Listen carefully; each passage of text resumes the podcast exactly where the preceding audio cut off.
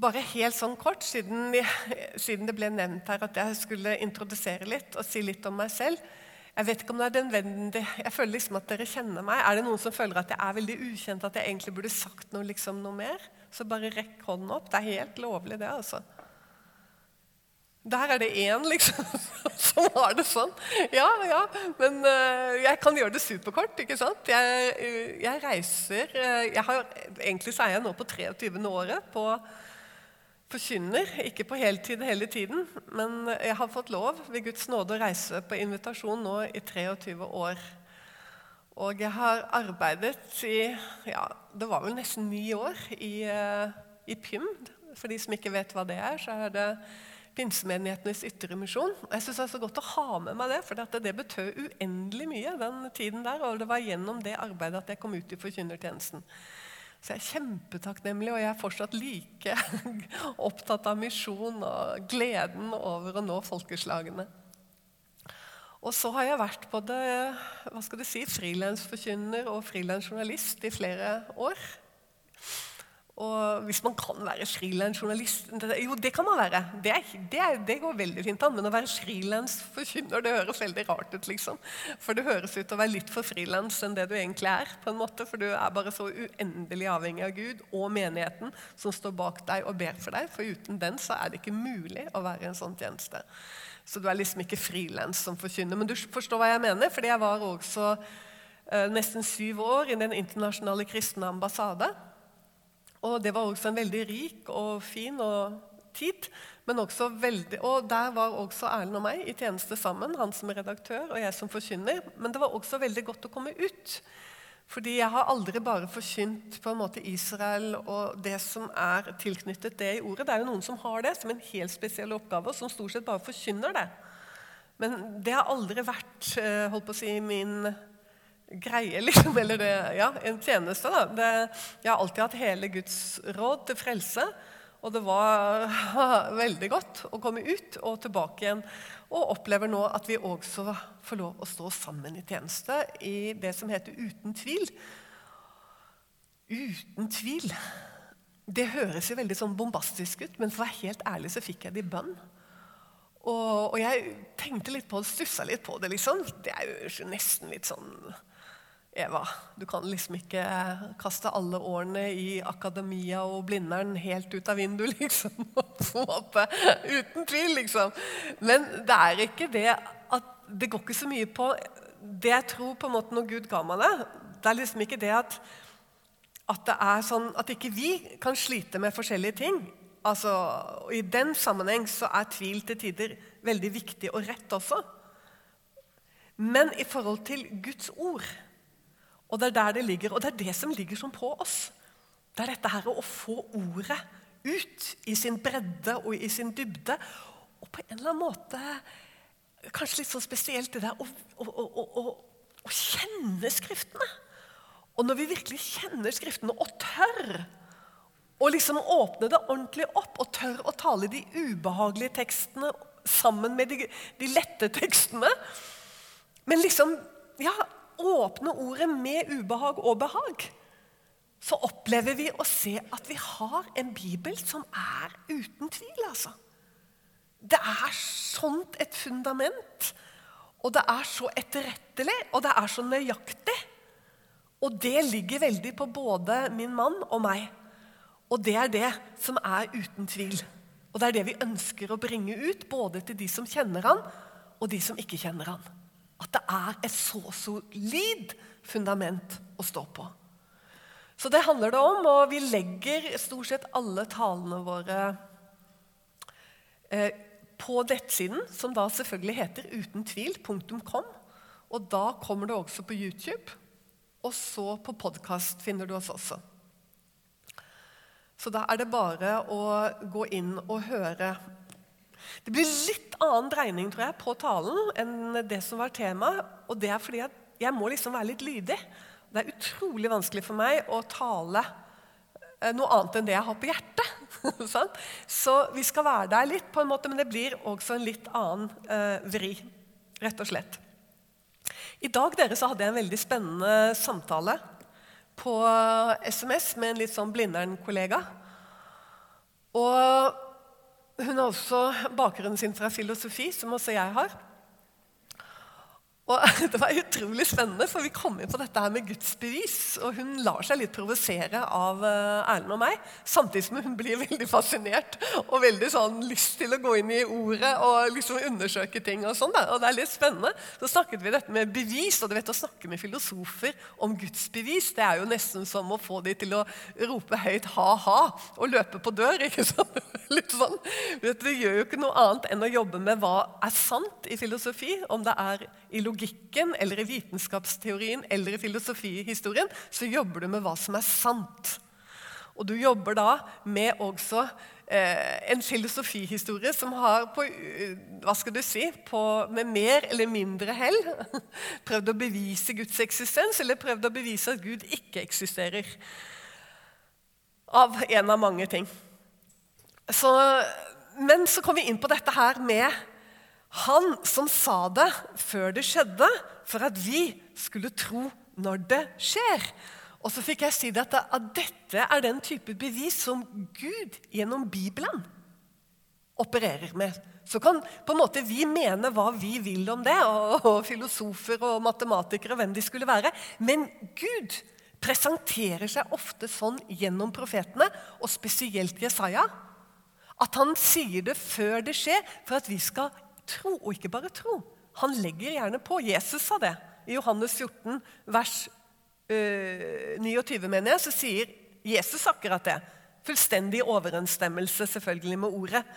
Men Jesaja der taler Gud på en sånn måte at, at, at liksom, Ikke Jesaja, men Gud taler gjennom Jesaja på en sånn måte at han sier det før det skjer, for at vi skal tro, for at vi skal forstå, for at vi skal kjenne og vite. Og da er du ganske nær liksom bevis. Du skal vite det, du skal kjenne det, du skal tro det.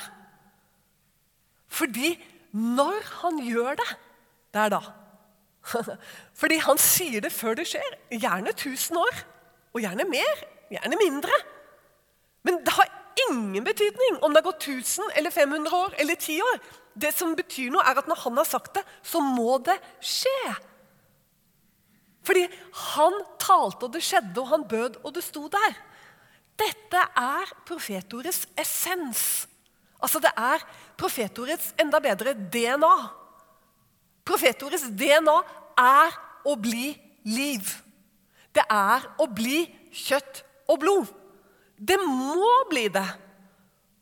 Og gjennom det Og da fikk jeg henne med, skjønner du. For da ble det sånn Dette er interessant. For da kan vi snakke om på en måte utgangspunktet for å snakke om bevis i forhold til Skriften. Og da er jeg med, sa hun. Og det var kjempespennende. Sånn at jeg bare gleder meg til fortsettelsen. fordi det neste var dette må vi snakke mer om. Og gjerne. Dette er jo noe av det beste for meg å snakke om. Fordi at eh, Da opererer vi i det feltet som er så ubeskrivelig etterrettelig og nøyaktig. Vet at Jesus han sa sånn en gang at Tror de ikke Moses og profetene, så skal de ikke tro om noen står opp ifra de døde. Det er ganske spennende ord. Altså, For det er han inni dette. Nemlig både i forhold til Moses, men også i forhold til profetene. Nemlig han taler, og det skjer. Han, bød, han byr, og det står der. Og det er gitt oss å se det. Bli kjøtt og blod og vite at det er Gud. Noe mer trenger dere ikke. Og slik var det med Jesus òg. Og derfor, når, dere, jeg tror den sikreste måten å i gåsetegn fornærme vår frelser, det var å si 'gi oss et tegn'. Fordi han er selve tegnet. Han sa jo selv ikke, ikke det minste bokstav, ikke en tøddel skal få gå av Skriftene før det har oppfylt alt sammen. Og han er, som det står i Johannes' åpenbaring 19. kapittel, så står det det at uh, Jesu vitnesbyrd er profetordets ånd. Tenk deg det. Altså, Alt som er talt av profetiske Bibelen, ja, da er vi oppe i eh, altså, i langt over halvparten av Bibelen. Altså, hele, hele Bibelens bjære, bærebjelke er det profetiske.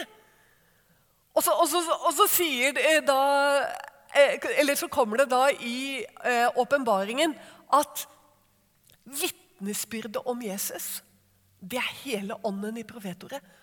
Så tar du ånden ut av profetordet, så ramler det fullstendig sammen. Det er det som bærer hele profetordet. Det er vitnesbyrdet om han.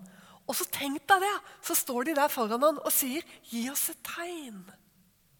Så du får skjønne at dette er med tegn og liksom tidens tegn. eller sånt. Det er, liksom, det er egentlig en veldig sånn besnærende overskrift som kom fra meg, og ikke fra Rigmor.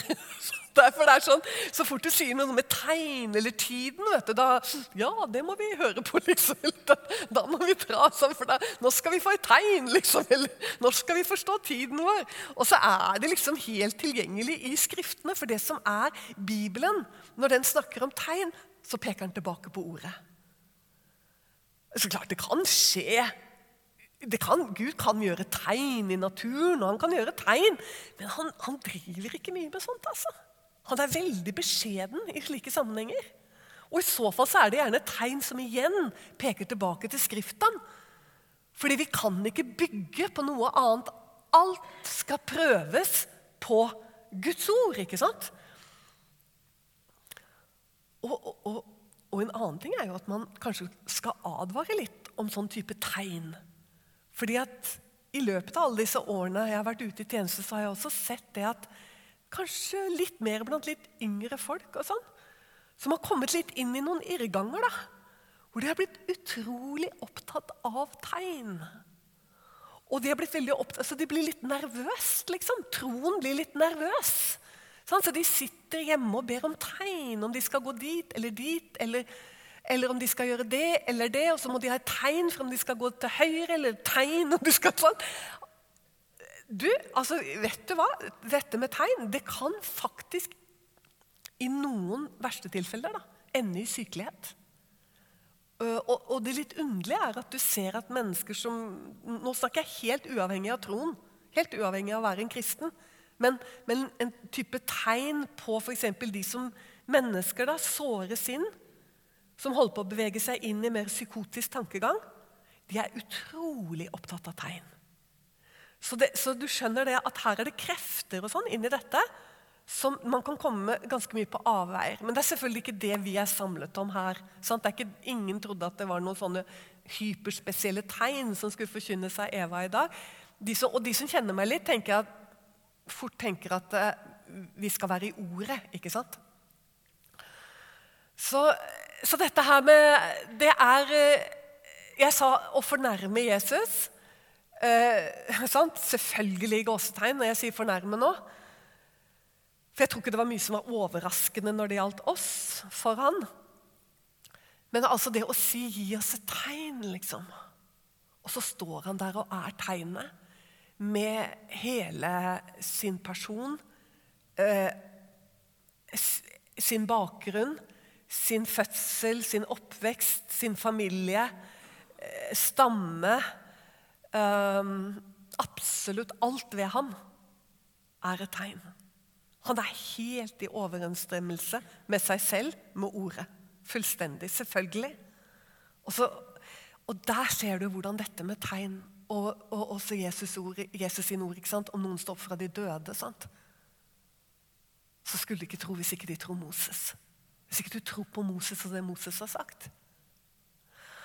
Og sånn kan det være litt for vår tid òg.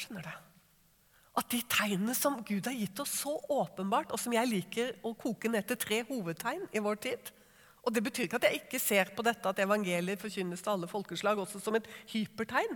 Men allikevel så akkurat eller jeg liker å operere med de tre hovedtegnene. Da, og det er tegnet Israel er et megategn til Guds menighet. Pluss at vi, som hedningekristne, er et kjempetegn for Israel. Ikke minst. Vi er et tegn. Vi som er liksom ifra Som skulle sitte, som det står i Jesaja, og vente. Vi som er fra øyene.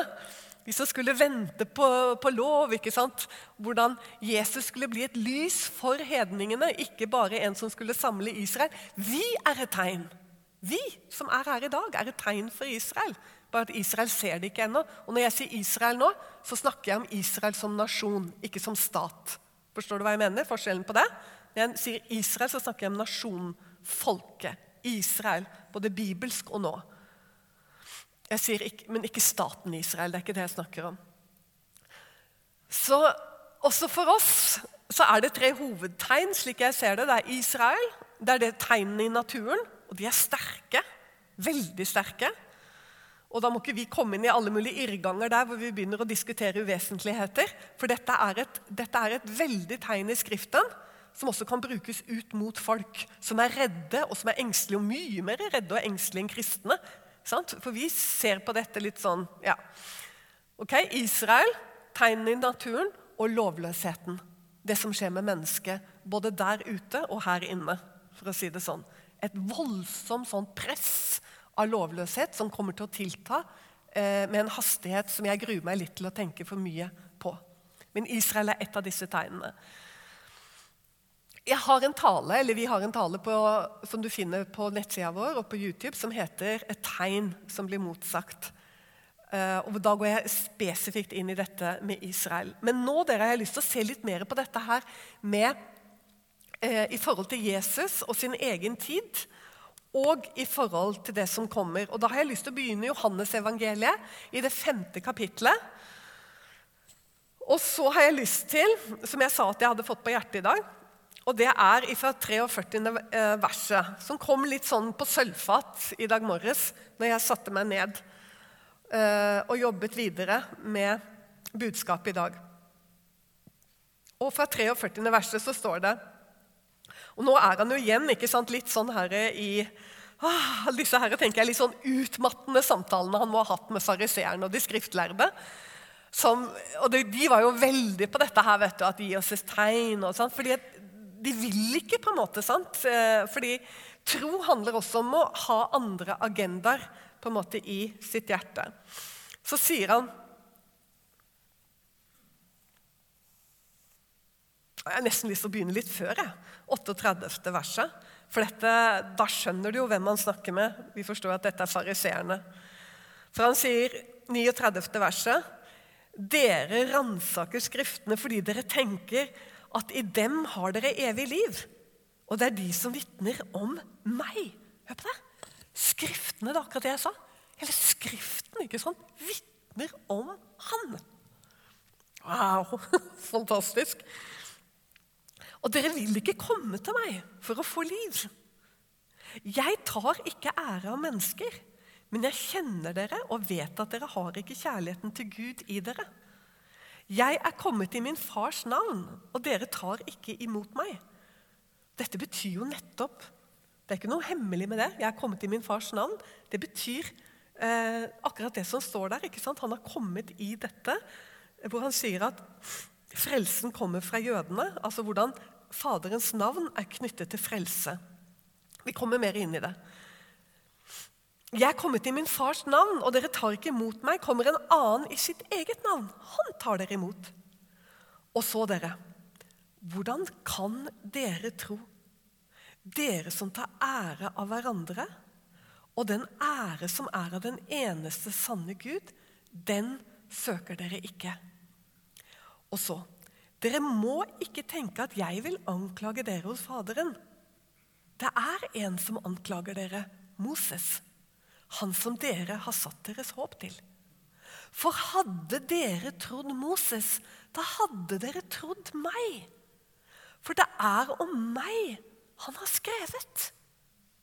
Men tror dere ikke hans skrifter, hvordan kan dere da tro mine ord? Noen av dere har hørt dette vitnesbyrdet før, men ikke alle. Og jeg har bare lyst til å fortelle det igjen, for jeg ble så minnet om det i dag.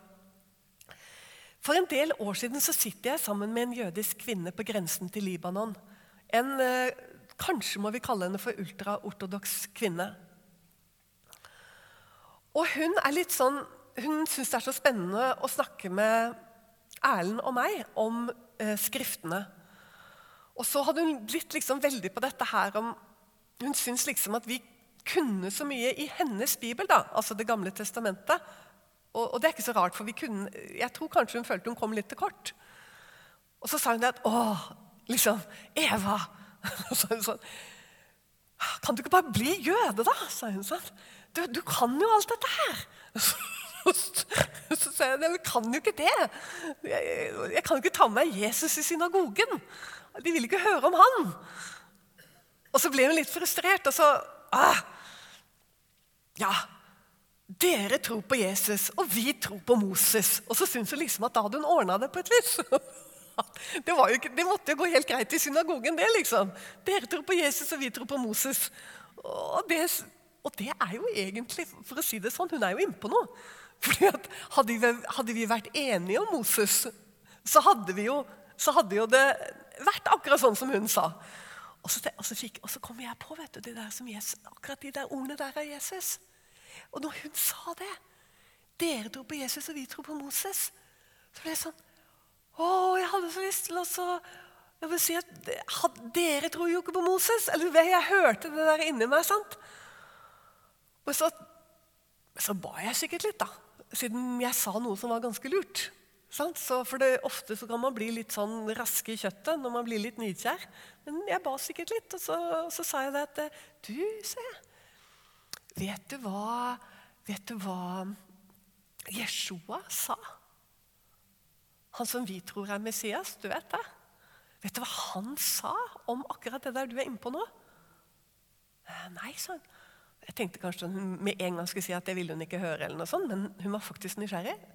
Og så sa jeg at han sa faktisk det. At eh, hadde dere trodd Moses, så hadde dere også trodd på han. Og nå tenkte jeg at nå går Nå går døren igjen! Og så åpnes utgangsdøren, for å si det sånn. For det blir jo nesten som å banne i kirken og, påstå at jøder ikke tror på Moses. Den er ganske drøy, liksom. Det er, liksom. Er det noen de tror på, så er det Moses. Så jeg tenkte men hun ble jo ikke sånn. I stedet så ble hun veldig sånn åpen og nysgjerrig og bare sånn Hæ? Hva mener du? Og jeg wow, Guri, hvor god jeg herfra, liksom? Og så sier jeg, du, hvorfor var det Hvorfor var det Gud kalte dere ut av Egypt? Og tenkte nå får jeg en liten pause, for nå vet jeg hva hun skal si. Og hun sa akkurat det jeg trodde òg. Så sa hun for å gi oss loven, sa hun. Hm, er du så sikker på det, sa jeg. Og da liksom Hva? sa hun. Gå og hent eh, Bibelen din, sa jeg. Og så slår vi opp i, i andre Mosebok, og så ser vi hva som står der. Og så leste vi der hvor det står, hvor Gud sier hvorfor han tok dem ut av Egypt. Altså, Selvfølgelig så er det jo på vis rett for å gi loven og fordi han hørte deres nød. Men han har sagt selv hvorfor han førte de ut. Så sier jeg det var jo fordi han ville bo iblant dere. Sigalit. Han ville bo iblant dere, han ville være hos dere. For sånn står det. Det står at han førte dem ut fordi han ville bo midt iblant dem. Og da er det jo spennende. Fordi han kunne jo ikke bo der fordi han ga dere loven. For loven har jo aldri frelst noen, det er du jo enig i. Ja, nei, nå må du forklare, hva sa han. Og så fikk jeg forklare om blodet, og hvordan alt ble ordnet, og hvordan han fysisk flyttet inn iblant dem. Bokstavelig flyttet inn iblant dere. Det vet du jo Sigalit, og der tror jeg hun hadde glemt hjemmeleksa si. Og så fikk vi sitte og snakke om dette, at Gud tok bolig iblant dem. Og han, at han måtte ta Moses opp på Sinai og være der med Moses i 40 dager og gi ham alle forordringene om det stedfortredende offer om blodet. Og læren om hvordan de kunne være rettferdige. Læren om rettferdighet på den tida. Og du skjønner, denne rettferdighet det er jo et bilde på det Jeshua skulle gjøre. Han skulle ikke bare, du skjønner, han skulle ikke bare bo iblant dere. Nei, planen var jo at han skulle komme helt nær. Du vet hva? Vi fikk altså en samtale var bare helt fabelaktig. Så er det noen som tenker her kanskje nå, ja, men var det sånn at det var rettferdighet, liksom? Ja. Tredje Mosebok. Les kapittel 3, 4 og 5 og litt sånn rundt der. Så ser du læren er sånn at når de hadde syndet, så skulle de komme en due eller et lam eller en okse. Alt ettersom hva overtredelsen var. Og så skulle prestene ofre dem, og så blodet skulle komme på alt. Og så står det, hør nå, følg med nå. Og så gikk de forsonet hjem til sitt hus. Og det er på det grunnlaget fikk jeg si til henne at han kunne bo hos dere. Ellers han kunne jo ikke bo hos dere hvis ikke han ga dere læren om rettferdighet. Han kunne jo heller ikke gi dere loven. For når han ga dere loven, så ga han dere jo åpenbaring om synd. Men hva nå, sier jeg? Dere har jo ikke noe blod. Du, når jeg sa det, det ble helt elektrisk. Og det var nesten så jeg angret på at jeg hadde sagt det. Og hun liksom Hæ?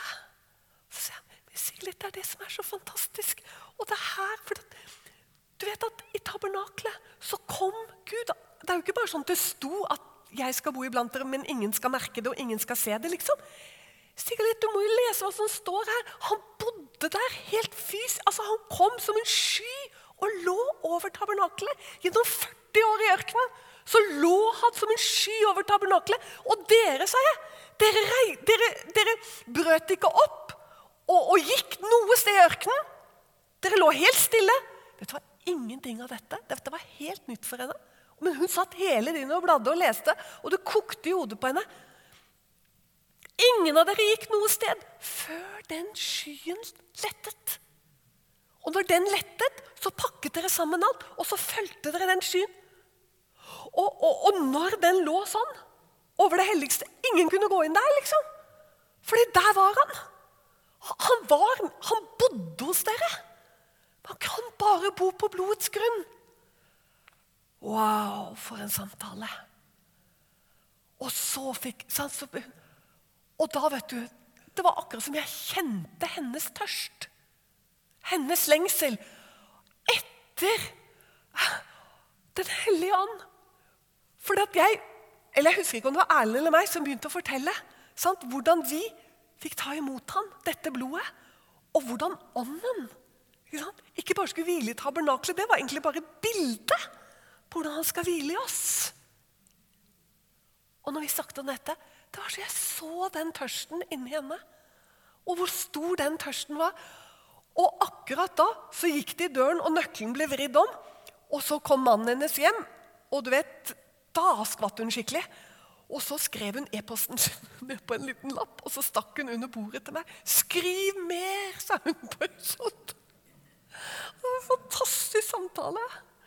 Og så er det noen sånn som kan si til meg som, som kanskje er litt sånn undrende til Israel-møter, og hva disse her mystiske Israel-vennene har for en sånn hva skal du si, sekt liksom, iblant seg, hvor de har skjønt noe som, skjønner du, og har blitt helt opphengt i Israel. Så det er en del sånne bekymrede kristne da, som er litt lure liksom, på om man har blitt litt forført og ubalansert, liksom, fordi man er så opptatt av Israel. og ja, for, for jøder må jo bli frelst! Noen av de da som kommer til meg jøde må jo bli frelst. Akkurat som jeg ikke skulle mene det. Er det noen som håper, håper si må bli frelst, så er det de. Hvorfor det? Jo, for det er for jøde først, og så for greker. Du vet at Paulus hvis det er Paulus som har skrevet hebreerbrevet. Det kan jo godt være Peter. for den saks skyld. Vi vet ikke hvem som har skrevet hebreerbrevet. Men i det tredje kapittel så sier forfatteren der noe veldig interessant. For han sier det at denne, altså Jesus, er så mye større Han snakker jo til hebreere, til jøder. Er så mye større og så mye mer ære verd. Hebreerne 3. Så mye mer ære verd. Så sier han liksom den som har bygget huset har mye større ære enn selve huset. Og da er liksom Moses huset, og så er Jesus den. Så, og Det er jo derfor Jesus sier hadde dere trodd Moses, så hadde dere også trodd meg. For det er om meg han taler. Altså, Alt vi gjorde med Moses sin tjeneste, det pekte på Jesus. Og det er sant, Med blodet og læren om rettferdighet Dette var bare forbilder. Sant? hele tabernakelet er bare forbilder på han som skulle gjøre. Komme med den evige rettferdighet. Sant? Som ikke bare dekker over synd, men som tar bort synd. Åh, så fantastisk. Og så liksom skulle noen komme sånn at Ja, de må jo bli frelst, liksom. Ja, Er det noen som har ment noe annet? Er det noen han er til, så er det jo til sitt eget folk. For det står jo også i Skriften sant, at de har et dekke når de leser Moses. Og jeg tenker at det dekket må jo nesten være laget av Gud. Er det mulig, liksom? Meg, sånn tenker jeg, da. Er det mulig å ikke se Jesus når du leser de fem Mosebøkene? Er det liksom sant? Men det det er nok kanskje lagd av Gud, da, fordi at vi hedninger skal komme inn. Og du vet at Når det dekket ramler, og de som folk ser han, og de begynner å rope ikke sant? 'Velsignet være han!' ikke sant? Og de ser han, og de gråter over denne enbårne sønn. Sånn skal de jo oppleve han når de ser han som de har gjennomstunget. Sånn at eh, det med Moses er en kjempe det er en perle virkelig i Skriften. Og Jesaja 63, og det var dette jeg ville ta dere med til i dag. helt spesielt, Jesaja 63. For der skjønner du, kommer vi opp i vår egen tid. For der viser altså Jesaja Nei, Gud viser igjennom Jesaja hva som kommer til å skje når jødene blir frelst. Og det har alt med Moses å gjøre, og det er så utrolig fantastisk. La oss gå til Jesaja 63. Og Hvis ikke du har med deg Bibel, så er det helt greit, for noen ganger så er det ikke så lett å både sitte og bla i Bibel og følge forkynnelse. Men Jesaja 63 Så les hele kapittelet hjemme, kanskje før du legger deg i kveld, for da er det litt ferskt. Les hele kapittelet. Det er et veldig profet eller latterlig si det er et profetisk kapittel. Det er, en, det er en profet. Men altså, det er et mettet kapittel, da. Og Når du begynner å lese, så står det om han som kommer fra Bosra i røde klær. Hvorfor er dine klær så røde? og sånn står det. Og Du kan fort tro du er fra, at det er Golgata vi er inne i, men det er ikke det. Det er når han kommer tilbake med hevn over synden. Altså vår frelser, Herre Jesus Kristus, når synden når skal settes en strek for synden, og når vreden går over verden, og han skal forsvare sitt folk. Det er det som åpner Jesaja 63.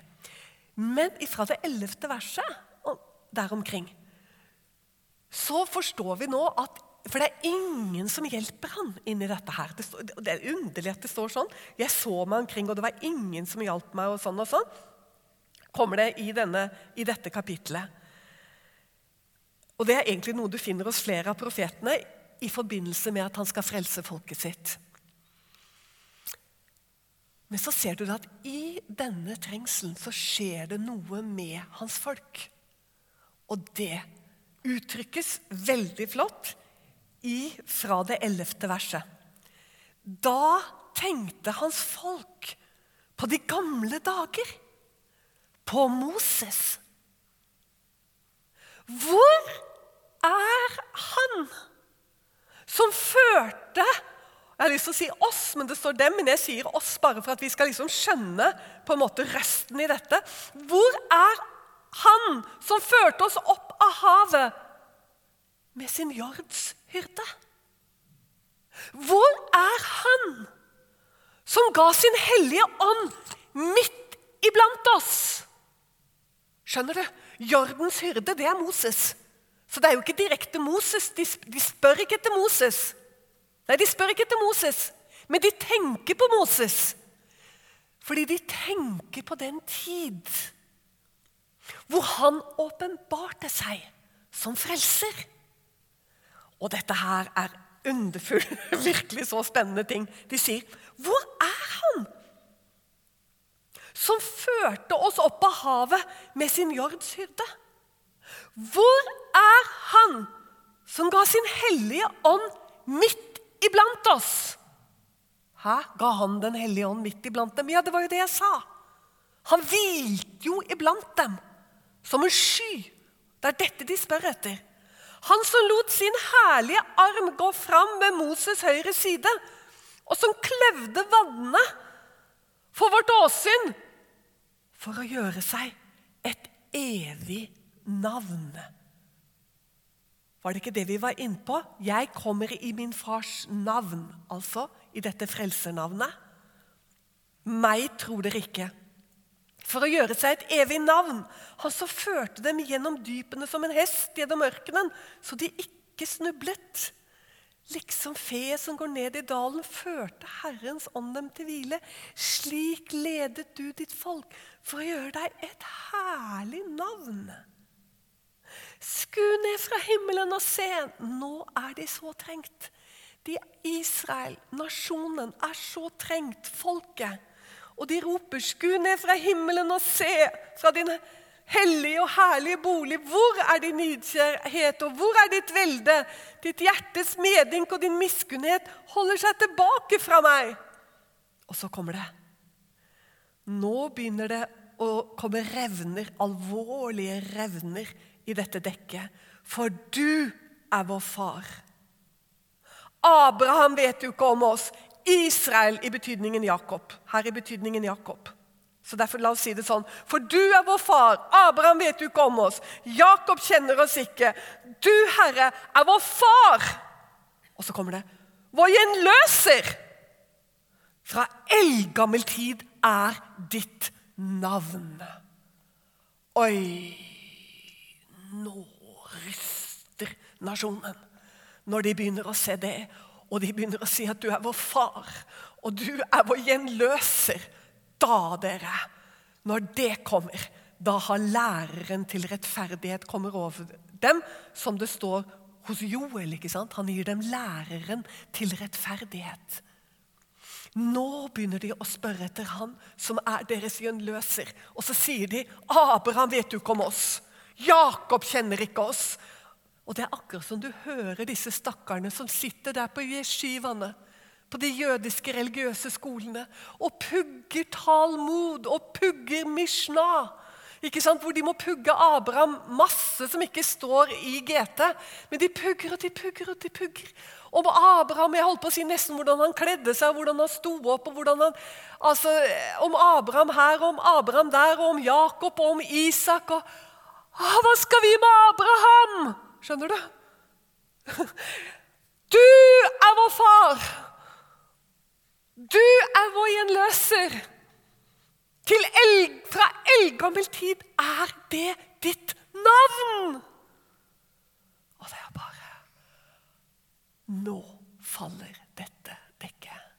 Det er derfor Paulus sa at når de leste Moses, så har de et dekke for øynene, så de ser ikke at det handler om gjenløseren. Vet det er noen vet du, Når de skal liksom, eh, liksom ta dette her med Messias i Det gamle testamentet og spesielt i Mosebøkene så tar de sånn Snapp en setning her. der der sto det visst om Messias. Og snapp en setning der. Og det kan ha vært om Messias. Hallo!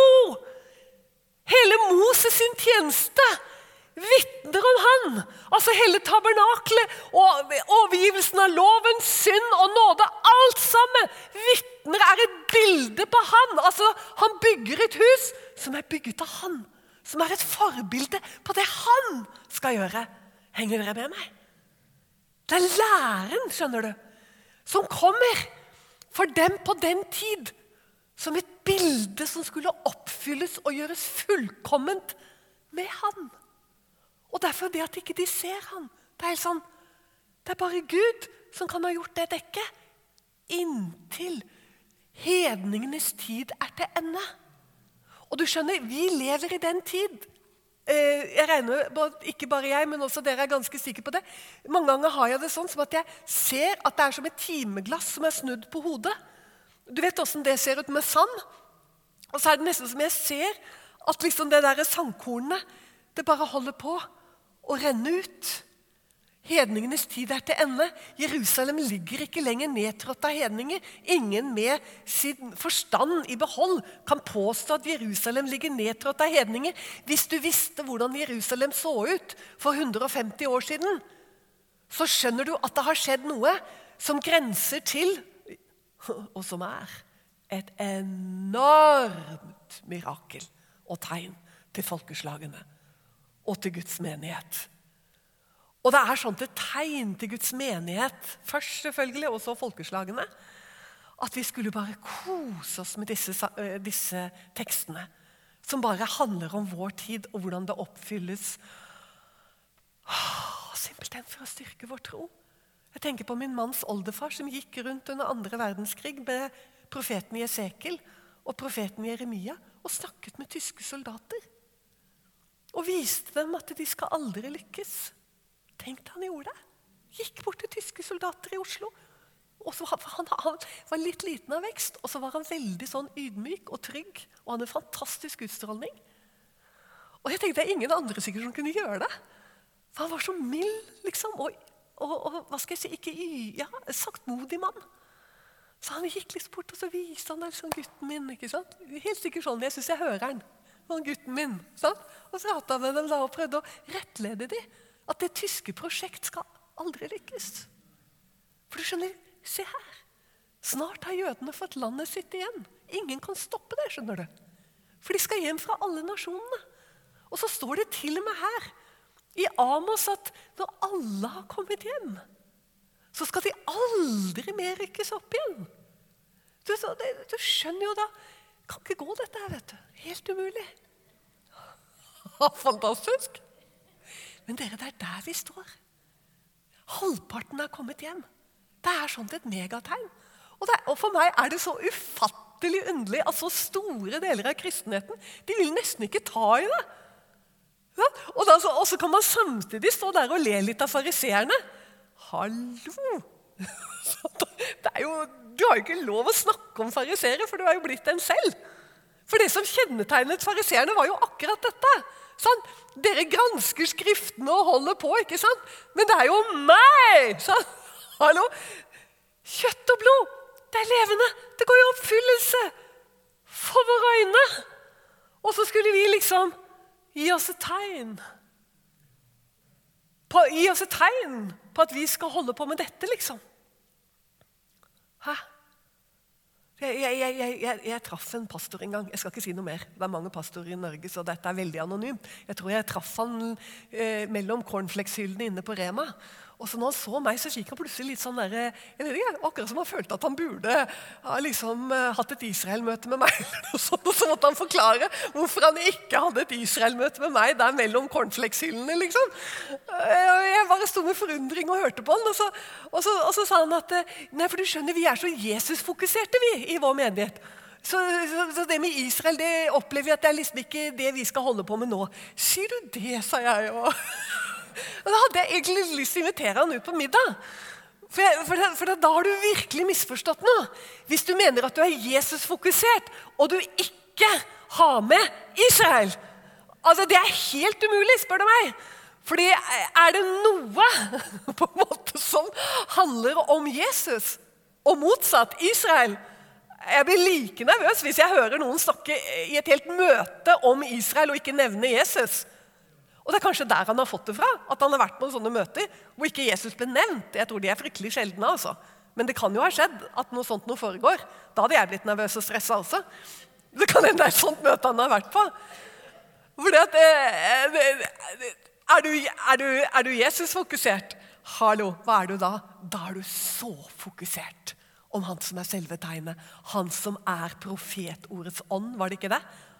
Han, han er ånden i profetordet. Å, halleluja.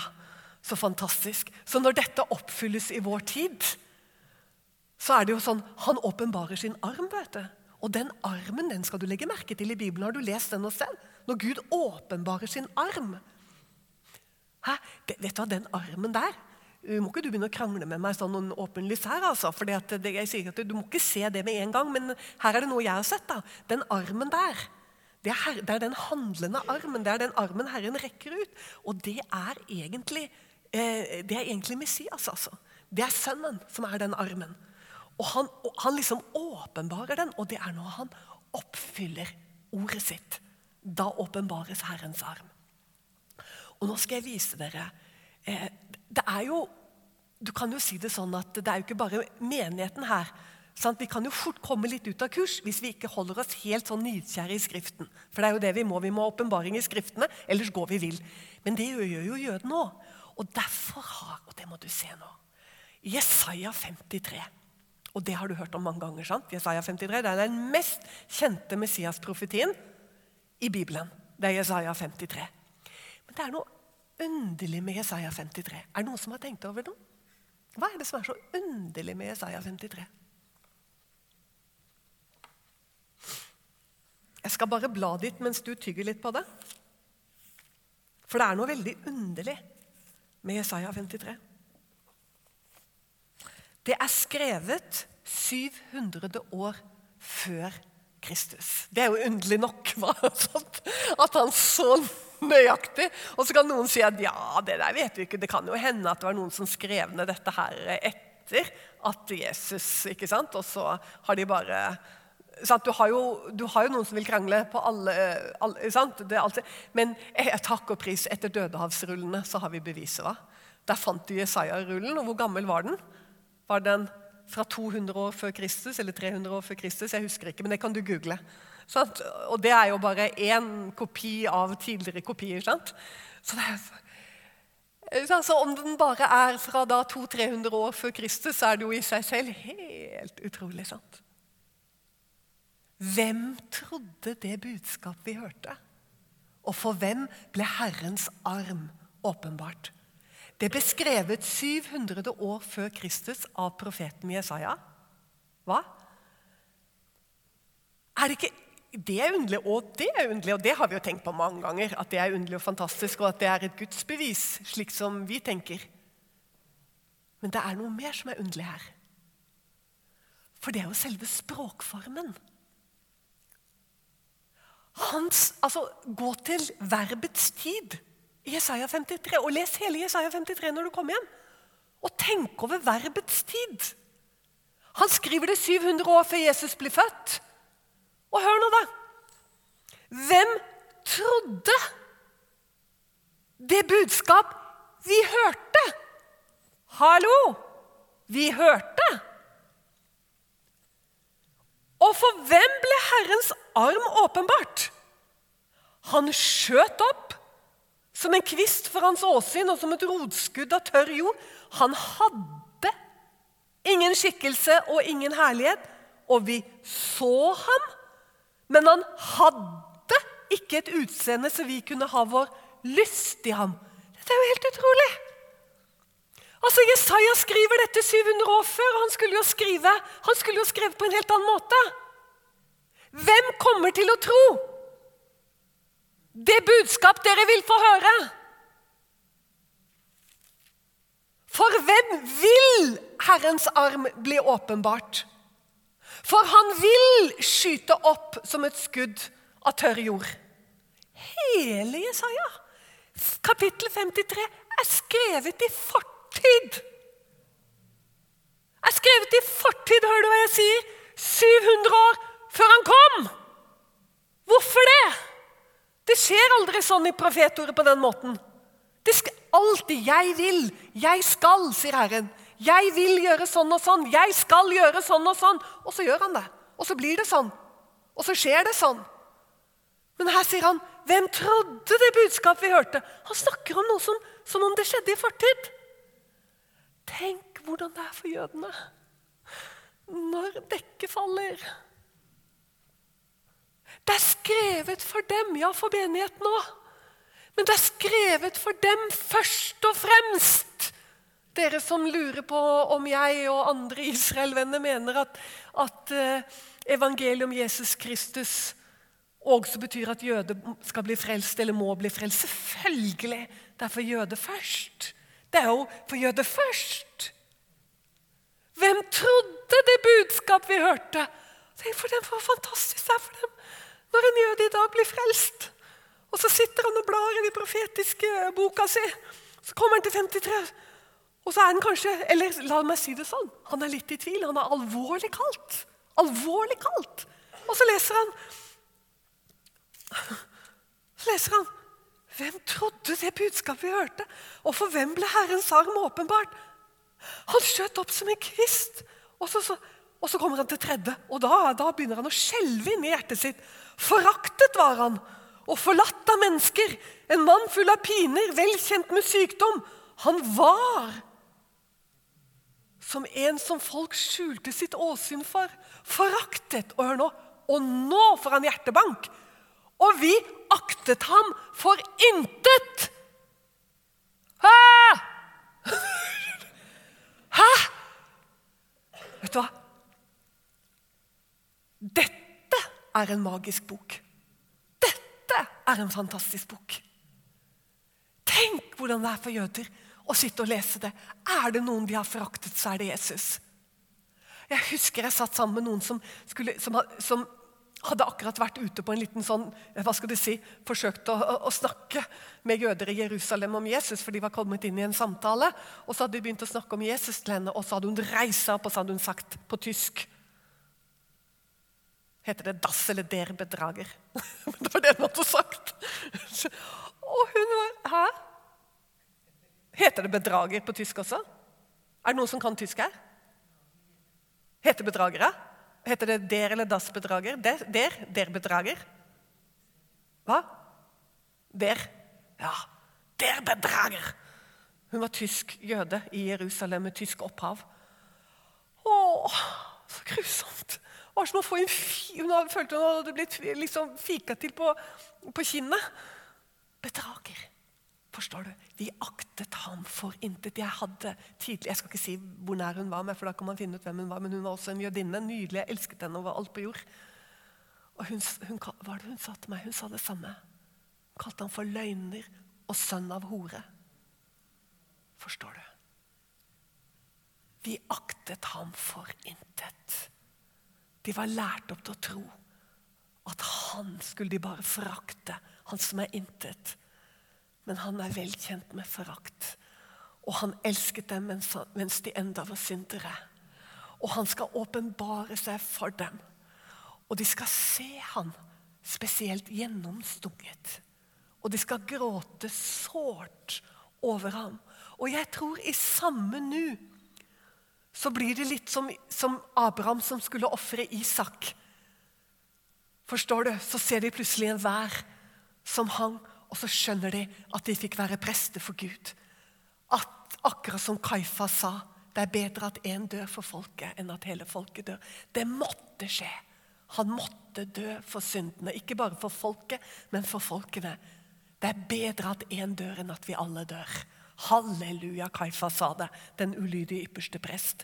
Men var det bedre? Og folket var virkelig ypperste prester.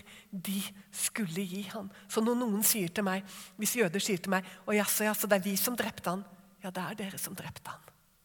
Selv om jeg vet at det står i apostlenes gjerning at vi og ikke sant, romerne og alle slo oss sammen. Så det er også sant. Men det er sant at det lederskapet i Israel på den tid, de drepte han. Det var de som felte dommen over han og satte Pilatus i en kattepine med keiseren i bakgrunnen, som gjorde at dommen ble felt. Selv, men det var Gud. Det var Gud. Og det er det jeg sier til jøder. Så sier jeg, ja, dere gjorde det, men det var bestemt. Og da er det så mye du kan gi dem, ikke sant?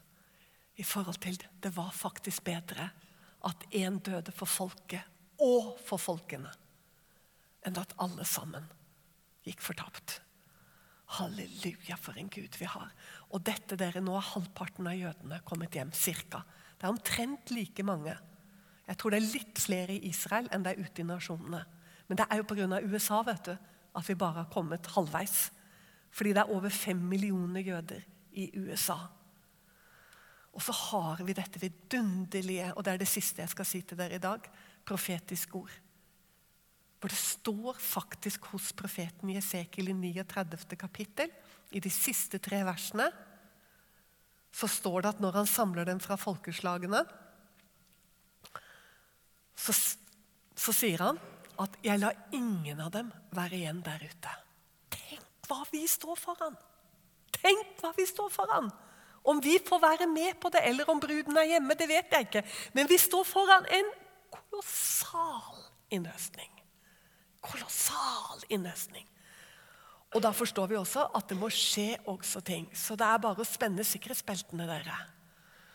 For uansett hvor lenge vi blir med, så blir det tøffere, håper si det blir mørkere og lysere. Fordi Gud er så trofast. Og når det blir mørkere, så blir dette lyset her enda lysere. Og Den hellige ånd, dere, som åpner Skriftene, og så skal La oss få lov til å vandre i hans kraft i denne tid. Det er så spennende å tenke på. Men Jeremia, helt til slutt, Jeremia 23. Tenk på det som står der, hvor eh, Gud taler igjennom eh, Jeremia. Og så sier han dette her med at de skal komme fra et land i nord og fra alle landene som jeg hadde drevet dem bort til. Og da vet vi at det ikke er oppfylt. Det er det ene. Det er så fantastisk! Fordi at Hvis noen skulle si til deg men det der er jo oppfylt, og det kan veldig godt være Babylon Nei, det kan det ikke være. Det kan ikke være oppfylt. Hvorfor det? Jo, fordi de skal komme fra alle eh, jordens kanter og nasjoner. Og fra et land i nord. Og de skal samle seg i Israel. Ja, men land i nord Og det er jo så Ja, men kan det være USA? Selvfølgelig. Fordi Gud har bare gjort det så fantastisk. Så å si alle jødene i USA er fra Russland og Ukraina. Så å si alle sammen. Og de kom til USA i løpet av 40 år. Fra 1880 til 1920 så rømte to millioner jøder ut av det som i dag er Russland og Ukraina. Og De aller fleste reiste til USA, over 90% og en liten del reiste til det som da var den palestinske mandat, og i dag for det meste Israel. Hæ? To millioner! De bare flytter seg litt lenger vestover. Nord. De er fortsatt nord, men de flytter seg vestover. Og der ble to millioner til over fem millioner. Og så tenker jeg Å, Gud, hvorfor denne underlige fall? Der skjedde noe som ble. Jegerne Sant? Og det virket bare katastrofe og forferdelig alt sammen når de ble jaget ut. Men så har de bare multiplisert seg, og mer skjønner du, mer enn fordoble seg. Mer enn fordoble seg.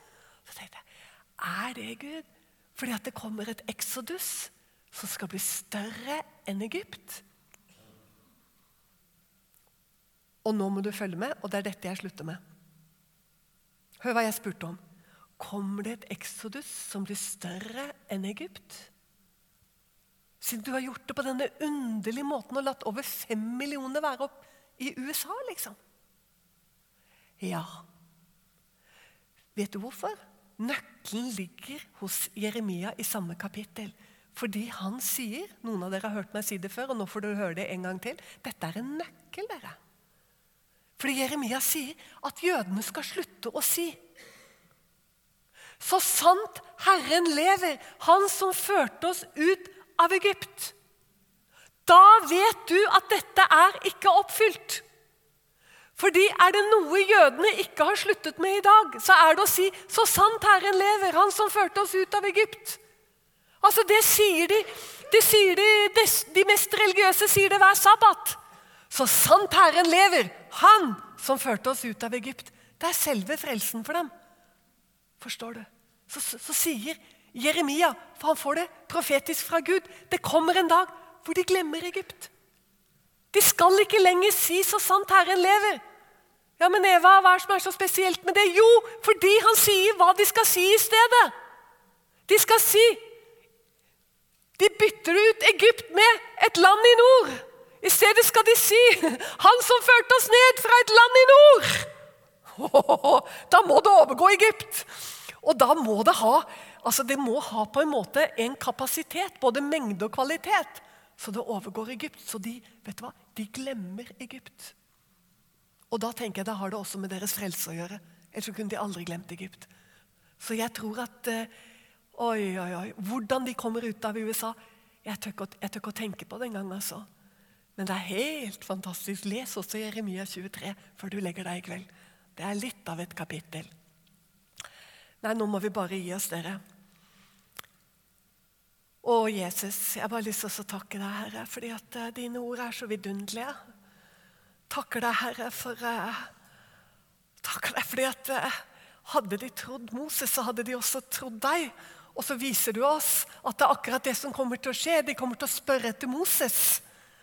Og så når det dekket da faller, så kommer de til å spørre etter han som åpenbarte seg og som ledet oss igjennom havet, og som ledet oss i 40 år gjennom ørkenen. Hvor er han, klippen? Hvor er han som ga sin Hellige Ånd midt iblant oss? Hvor er han?